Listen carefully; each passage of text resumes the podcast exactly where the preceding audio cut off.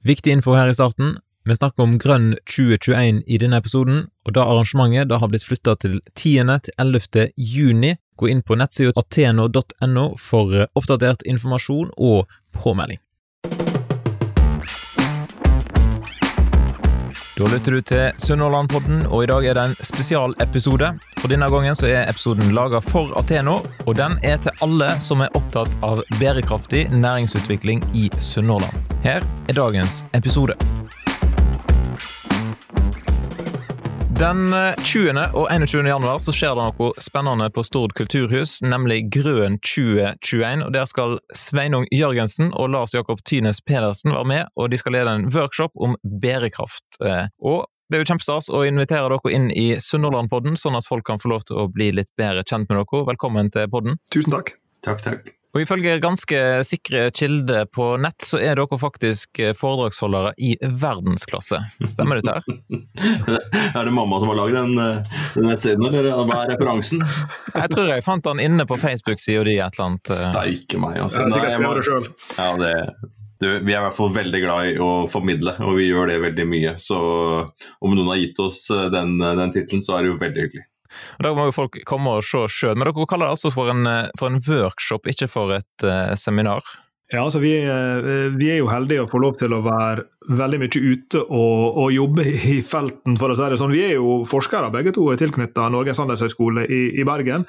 Men som, som, vi liker å si, så er vi inspirert av onkel Reisende Mac fra Fragleberget, som mange sikkert husker. Så vi vi bestemte oss tidlig i karrieren vår for å reise ut i, i verden og forsøke å forstå hvordan bærekraft arter seg som, som fenomen ute i bedriftene. Hva er det de forsøker å gjøre for å sette igjen et eh, mer positivt avtrykk på, på samfunn og miljø, og hvordan er det det kan gjøre dem til enda bedre og, og kanskje til og med enda mer lønnsomme bedrifter. Og Det vi fått lov til å holde på en 15 års tid nå sammen og reise rundt fra, fra bransje til bransje og fra landsdel til landsdel og, og, og jobbe tett med bedriftene. og Da blir dette workshop ordet viktig her. For altså, vi skal komme sammen og jobbe sammen, det er ikke vi som skal stå og prate til folk.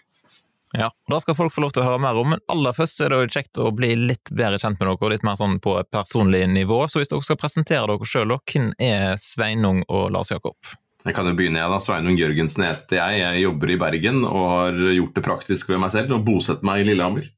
Så jeg, jeg, har jo hatt nå ti måneder med koronakontor i kjelleren og blitt hyperdigital, som på en måte har passa veldig godt, men som også bryter litt med dette bærekraftseventyret vi til stadighet er på. Da. For jobber tett sammen med Lars Jakob, har gjort det i 15 år minst. Um, bor her med familien og har et stort Vi har jo store forskningsprosjekter som vi leder. Vi jobber tett med bedrifter. Vi, har, vi sitter i styrer, vi har starta bedrifter.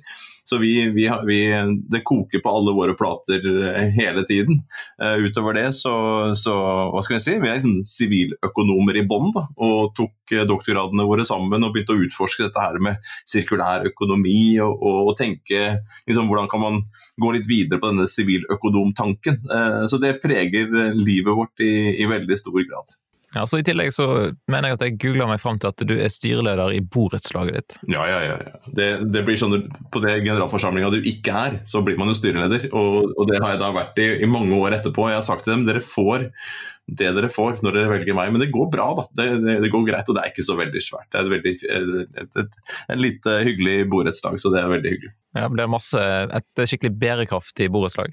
Ja, Det er det eldste faktisk borettslaget i, i, Lillehammer. Altså, det er jo noen gamle sånne arbeiderboliger som ble bebygd for uh, de som skulle drive Ulvaren her borte ved, ved, elva som renner gjennom uh, Lillehammer.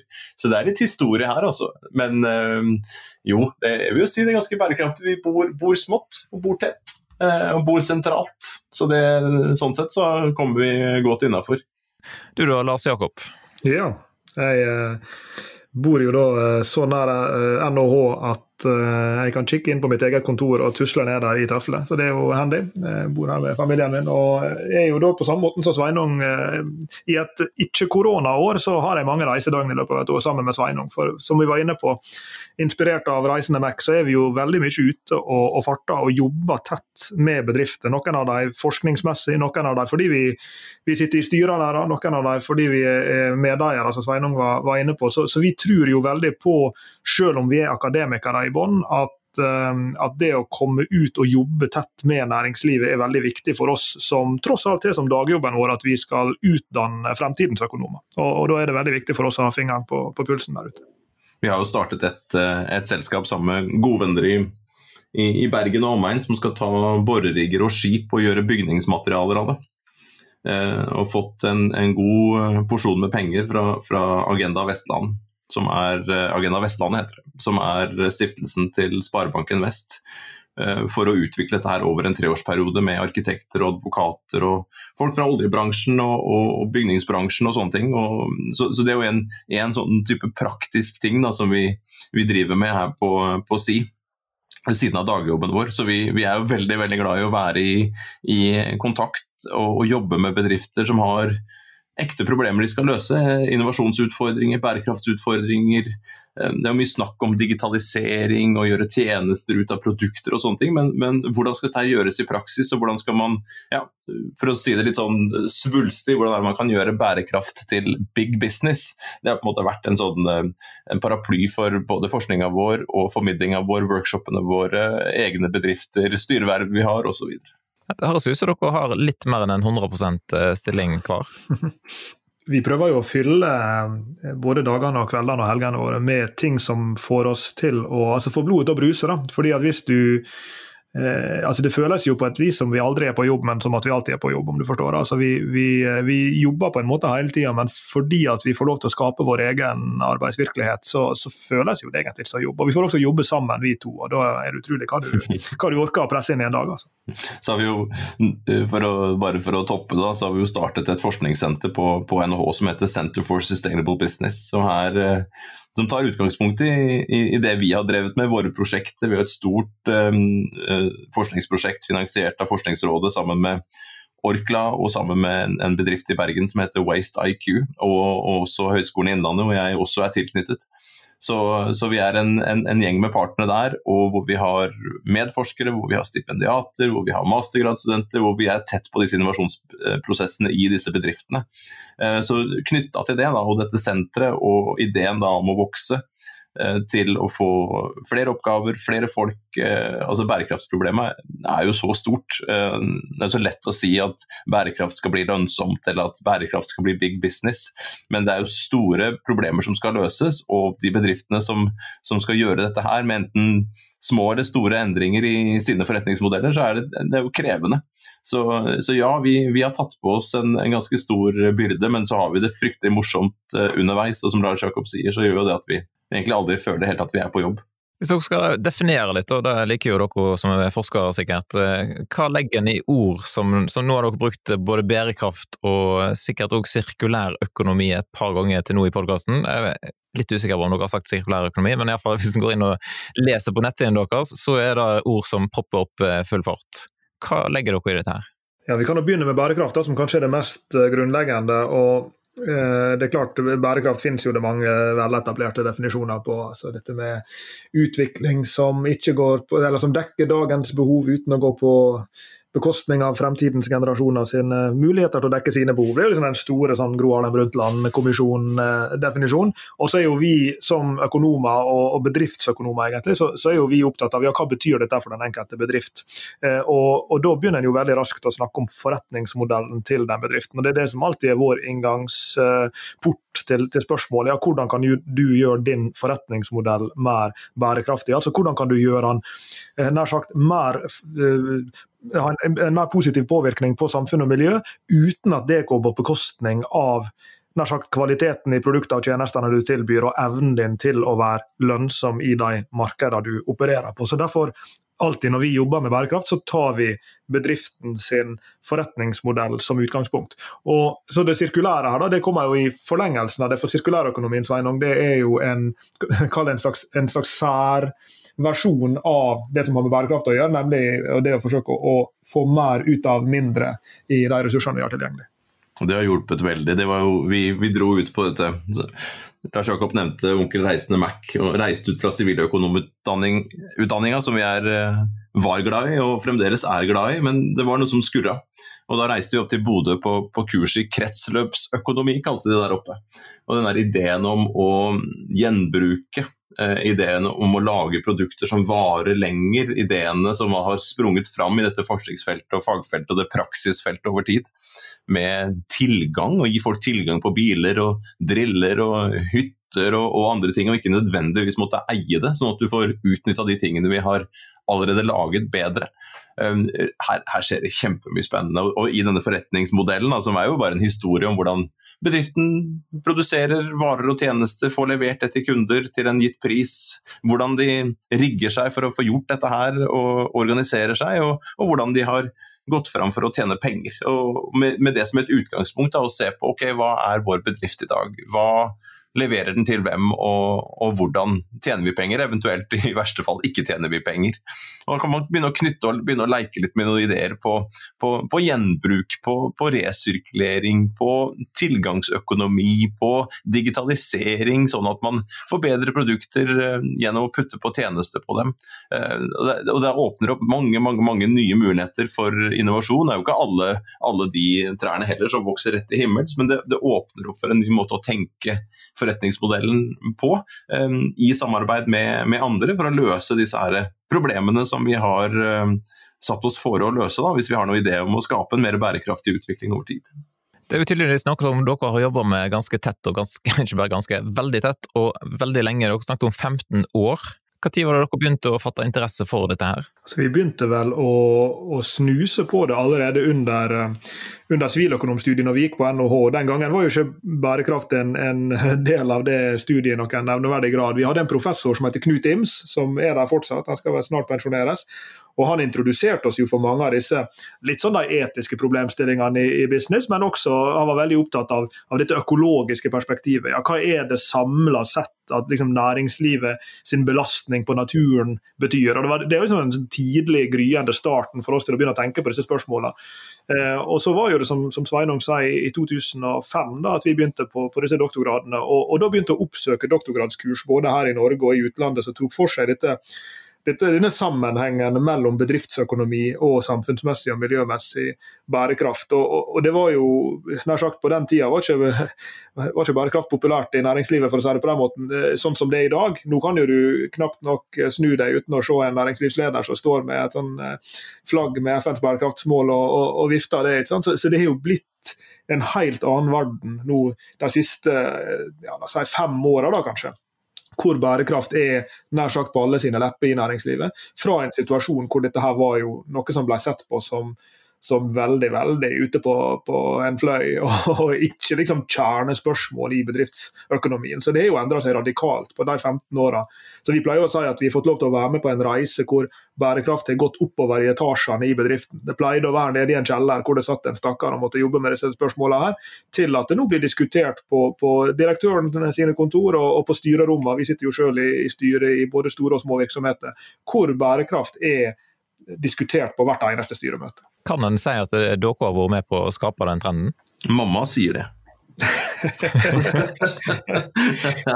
ja, det, eh, vi skal være forsiktige med å ta på oss, eh, ta på oss disse rollene utenfor, utenfor, hjemmets fire vegger, han har sagt. Men vi har da hatt gleden av å være med i en bølge som har vokst i kraft. Og vi har i hvert fall vært en del av den bølgen over tid, det tør jeg å påstå. Men samtidig så er det bra naivt å tenke at man har vært alene om det. Ja, og så kan jo du si at Noe av det som vi føler oss veldig heldige for å ha fått lov til, det er jo at vi har utdanna kanskje den første sånn fulle generasjonen i hermetegn. Generasjonen av studenter som, som, har denne kompetansen som en del av sin eh, siviløkonomutdanning. Eh, for som jeg sa, altså når vi studerte økonomi selv på NHH, det samme gjaldt jo de andre handelshøyskolene, så var ikke dette noe tema som var behandla i betydelig grad. Men nå har jo vi i de siste to åra hatt 400 studenter i året som har valgt eh, vårt kurs i bærekraftige forretningsmodeller som en av sine masterfordypninger. Så Det betyr jo at det kommer jo eh, flokk av eh, toppkvalifiserte økonomer ut av NHH og også de andre handelshøyskolene nå, som har eh, kompetanse på hvordan nær sagt, håndtere bærekraft og bedriftsøkonomi på samme tid. Eh, og Det er vi veldig glad for å, å ha fått lov til å, å, være med på det. Hva som har gjort at dere to har blitt et eh, så bra team på dette? her? Hvordan fant dere sammen? Nei, si det. det var sånn, Vi hadde en Karen eh, heter det? Karen Gifte, Giftekniv, var det det Karen heter i disse dager? Kirsten, Kirsten Giftekniv. Kirsten var det faktisk. Birte. Birte som, eh, som, var medstudent. Du tar etternavnet i farta, du. Lars Jakob. Kåfjord Lange. Tusen, tusen, tusen takk. Bitte Kåfjord Lange sa til oss dere er bare nødt til å møtes. Vi studerte jo sammen. Eh, du spurte om litt sånn personlige ting, og jeg syns Lars Jakob kom seg litt sånn billig unna. For han, han, han er jo fremdeles DJ, og var DJ, og spilte jo da sånn elektronika på natterstid han i, på sånne klubber i Bergen mens han gikk på siviløkonomstudiet. Eh, mens jeg var jo familiefar og, og tok ansvar. Så, så han, han, han dilla seg Lars Jakob dilla seg. Har du slutta med det nå, forresten? Ja, Du slutta å ta ansvar nå, forresten. Ja, ja. Du tok jo ansvar du òg for å prøve å holde liv i LP-er som fenomen. så Du drev jo en platebutikk et par år mens vi studerte også, så, så, våre veier møttes ikke da. Jeg var, jeg var, jeg kommet forbi min rave-periode, så jeg, jeg, jeg, jeg traff dessverre ikke Lars Jakob før etterpå. Men så ble vi matcha da, for å si her, dere er, er like gærne begge to. Dere driver med doktorgraden deres, dere driver, ser på liksom alternative måter å tenke business på. Dere burde, burde jobbe sammen, sa, sa Birte. Og så og så dro vi oppover til Bodø og fant hverandre, og så har det blitt sånn stein på stein etter det. Og eh, vi har eh, vi har jobba veldig tett etter det. og så har vi veldig liberale arbeidsgivere også, så vi har fått lov til å holde kurs sammen. Så vi har alle kurs sammen. Vi kjører executive- og videreutdanningskurs eh, sammen. Vi skriver bøker sammen og artikler sammen. Eh, hva er det vi ikke gjør sammen, Lars Jakob? Jeg, Lars Jakob pleier å si at vi har søkt om å bli en juridisk person, men det tar litt lang tid i departementet. Ja, for, for the record så hadde jeg faktisk eh, planlagt et lite spørsmål om Powerblight Records. Eh, heter, Lars Jakob. Jeg lurer på om vinyl er fortsatt bærekraftig? Ja, nei, altså, det, det, er et godt spørsmål, og mest sannsynlig er det vel en fordel at Og vi bruker jo ofte platebransjen vi som eksempel, fordi vi også kjenner han godt da, fra, fra min uh, bakgrunn. Men, men, han er jo et så godt eksempel på en bransje som har vært gjennom en kjede av forretningsmodellinnovasjoner. Når de trodde at de var ferdig, med, ferdig så kom det jaggu en til. Så de har jo stått i en sånn endringsstorm, musikkbransjen. Og antageligvis er det vel kommet ut på andre sida som en mer bærekraftig bransje, for du har digitalisert så mye av det som var tunge fysiske produkt. Tenk hvis du kunne nær sagt gjør det samme med alle produkter og gjør de digitale. Nå har strømming et fotavtrykk, selvfølgelig, et betydelig fotavtrykk også. Og nå jobber jo de med grønne datasenter for å sørge for å gjøre strømming av musikk grønnere. Men, men bare det enorme skiftet i å slippe å kjøre lastebil på lastebil fulle med, med tonnevis av, av vinylplater og CD-plater og hva det måtte være. Det, det, har jo selvfølgelig vært en, en, en grønning av, uh, av, den bransjen. Og Jeg uh, drev et plateselskap som, som dere var inne på her, og, og, vi solgte nok ikke nok plater til at du kunne merke vårt fotavtrykk i den bransjen. Vi var en veldig, veldig liten aktør. altså. Hvis vi ser på Norge, da, hvordan ligger Norge an i forhold til de andre skandinaviske og europeiske land knytta til denne tematikken her? Det er et godt spørsmål. og altså, Det spørs vel litt inngangen eh, på et vis. På noen måter er vi kommet langt, og på andre har vi ikke kommet så langt. Altså, vi er jo, Jeg og Sveinung pleier å se uh, det grønne skiftet og det digitale skiftet i sammenheng. Ref blant annet det vi nettopp snakka om digitaliseringa av fysiske produkt. Og Norge er jo et ganske sånn digitalisert samfunn, og det betyr at mange av de, kall det eh, bærekraftseffektene av å være digital, de, de, har vi jo klart å høste. Så vi kom til et godt stykke på vei der i liksom delingsmodeller og, og sånne virtuelle modeller og, og sånn. Um, og så har vi selvfølgelig noen problem knytta til noen av kjernenæringene vi har her til lands. Det er jo interessant nå for tida å følge EU sin utvikling av såkalt uh, taksonomien for grønne investeringer, der de klassifiserer hvilke bransjer som som er grønne og ikke. Og, og i det klassifiseringssystemet for eksempel, så kommer jo eh, Norge ganske dårlig ut, fordi at flere av bransjene som, som er, er, tunge og viktige her, eh, skårer dårlig innenfor det klassifiseringssystemet. Men, men jeg tror det, det spørs litt hvilke fasetter av av økonomien vår du, du, ser på. Det spørs hvem du sammenligner oss med. Altså, Nederland er et klassisk eksempel på et samfunn som har kommet veldig langt i sirkulær retning, f.eks. Så sammenligner vi oss med Nederland, så er vi nok uh, en, en, sinke. Og sammenligner vi oss med noen andre land, så har vi kanskje kommet, uh, kommet lenger. Men, men det, er litt, det, er litt, kanskje litt tidlig å begynne å se på dette på et nasjonsnivå. Og, og, vi er jo ikke sånn sett samfunnsøkonomer, eller vi er jo nede på den enkelte bedrift.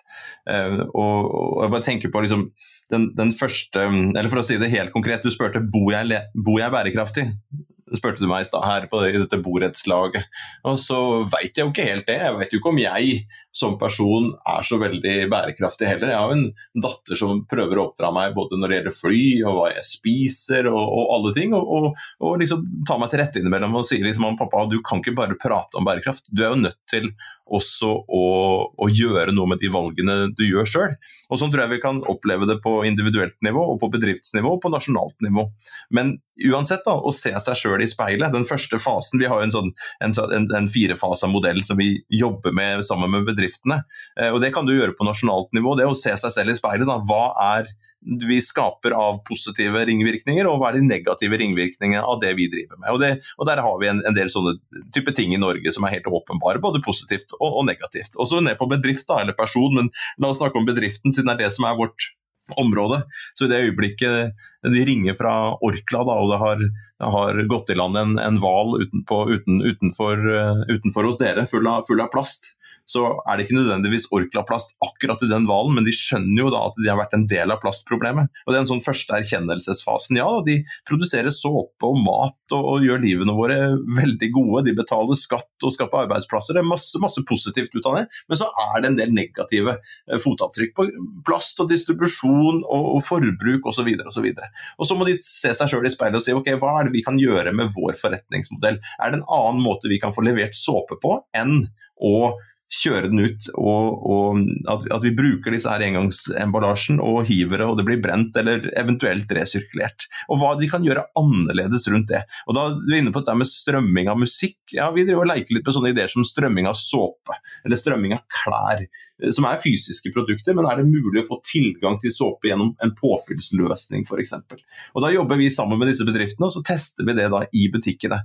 Og da Hvis de har vært på Bislett, noen av lytterne her, så har man kanskje vært med på å sette en sånn to ukers periode med en påfyllstasjon med, med et av Orklas eh, produkter, hvor man da testa ulike sånne varianter av påfyll. Og Så går vi inn i hjemmene og så ser vi på sensorikk og påfyllsløsninger, og om Orkla sammen med andre kan begynne å levere tjenester inne i husene. Om det er vasking, om det er påfyll, om det er forsikring. Kanskje man skal lage litt smartere hjem med litt sensorer, en eller annen dørlås som kan åpnes når en, en person kommer, kanskje et videokamera på innsiden. Altså Hvordan man kan legge til rette for den, denne type innovasjoner. Da. Og Her har du bærekraftselementer, du har digitale elementer og innovasjon, absolutt. ikke sant? For hva skal det nye Orkla i dette tilfellet bli, da, som har fått liksom fra øverste hold vi skal bli et tjenesteselskap og vi skal jobbe med helse. Det har liksom fått fra styret sitt og eieren sin på forsiden av Dagens Næringsliv.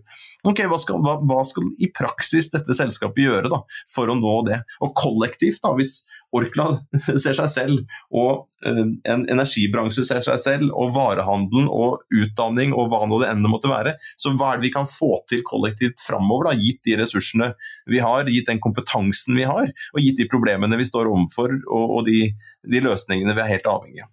Nå skal dere til Sunnhordland, som er en industriregion, og ha workshop nå i januar. Eh, kan dere si noe sånn generelt om hvordan bedriftene her kan gjøre tiltak for å komme inn da mer i sirkulære forretningsmodeller, og for å vinne markedsandeler i framtida?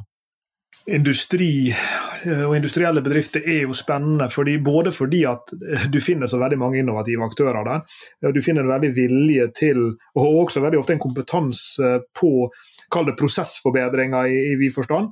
Og, og, vi har jo hatt gleden av å eh, Nå er jo vi alltid vært tiltrukket av de litt sånn større bedriftene, med, med, og ofte med store fotavtrykk, sånn som et, et, Orkla. og Vi hadde et prosjekt nede på, på, Sørlandet for noen år siden i regi av Innovasjon Norge med den såkalte Node-klyngen, som er jo eh, i stor utstrekning eh, altså underleverandører i, i olje og gass, og som, i maritim sektor og i det hele tatt.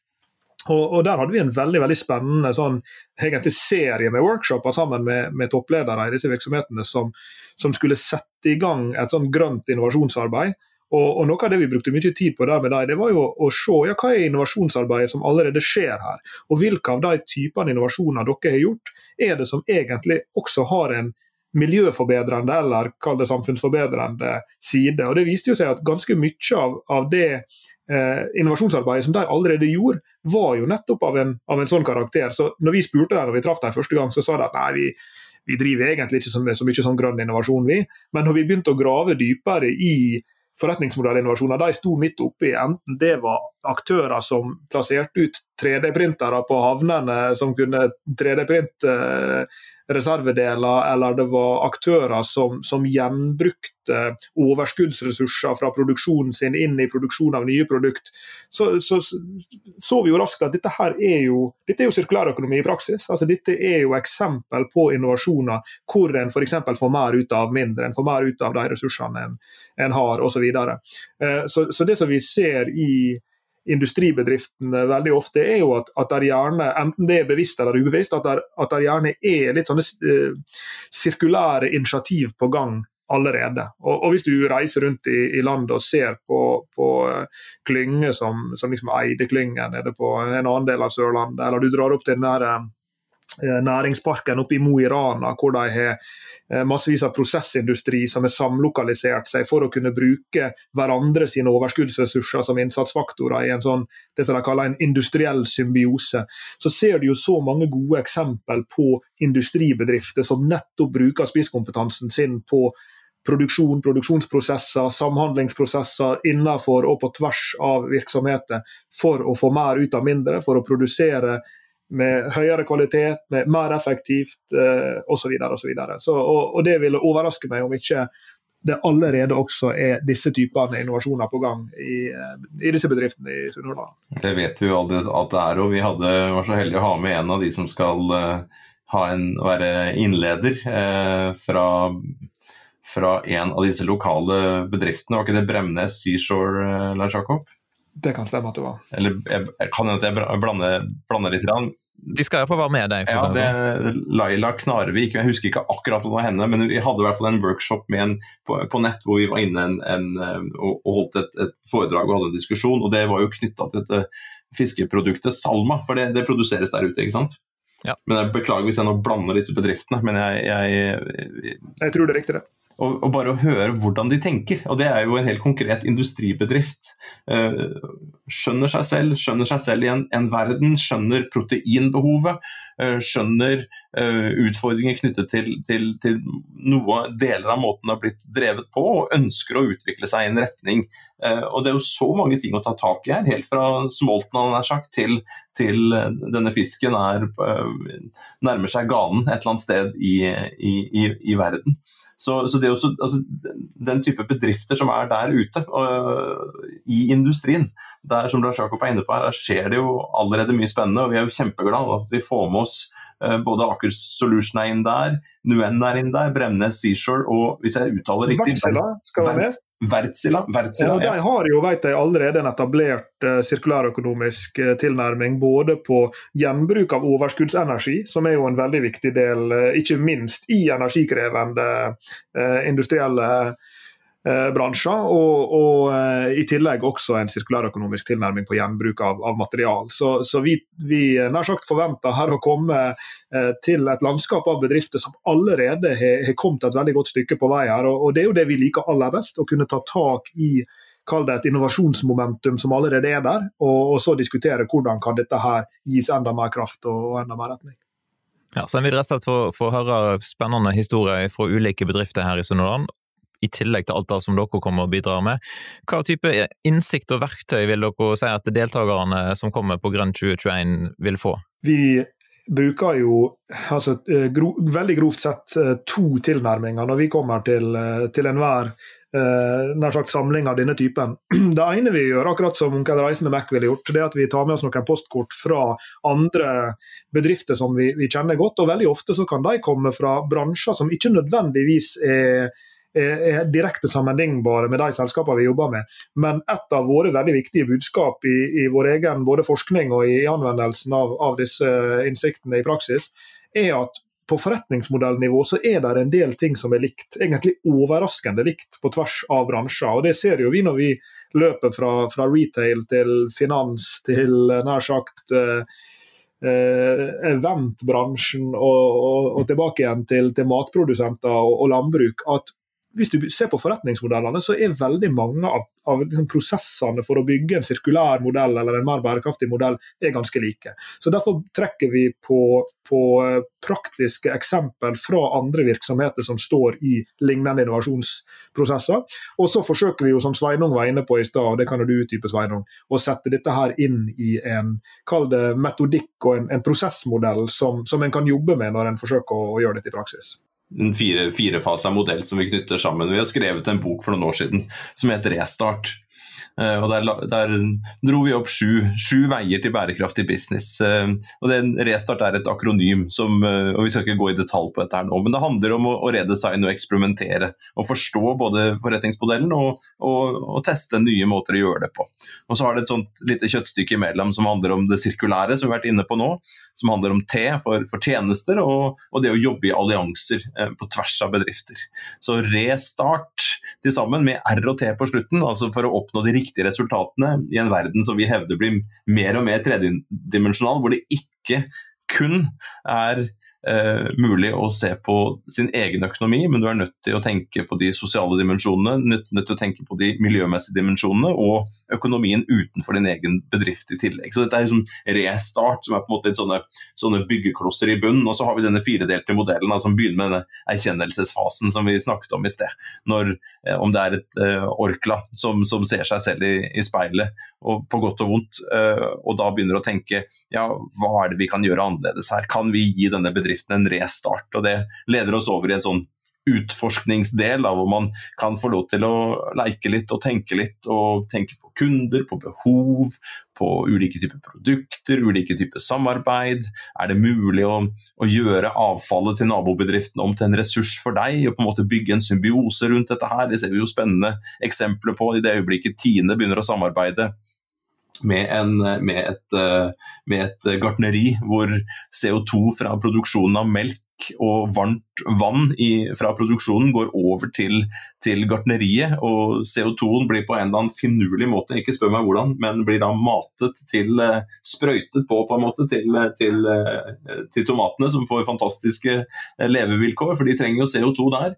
Og hvor varmen blir brukt til å varme opp gartneriet før det varme vannet blir kaldt og går tilbake igjen til Tine. Så hvordan er det man kan tenke dette her i smått og, og stort, da, og, og teste. Og i den der utforskende fasen så tenker vi at vi kan lage noen ideer om hva som er nødt til å være sant før vi går over denne testfasen som er fase tre, fase tre hvor vi da kan sette opp tester som kan begynne enkelt. Det å ringe, en, ringe svogeren og gjøre litt sånn enkel svogerforskning, eller, eller, litt mer komplisert sette sammen en, en, gruppe med potensielle kunder, enten det er sluttkunder eller business to business, og snakke litt sammen om ulike typer nye muligheter og piloter og sånne ting. Og til slutt kanskje teste det sånn som vi liker å gjøre, da, i, i, felt med, hvor man setter opp den ene alternative løsningen opp mot den andre, sånn at du kan bli ganske trygg på etter hvert at dette her, dette kan vi satse på. Og så den fjerde fasen, om å vi kaller det å rigge, rigge om forretningsmodellen for denne nye virkeligheten. Og så går den her i spiral, da.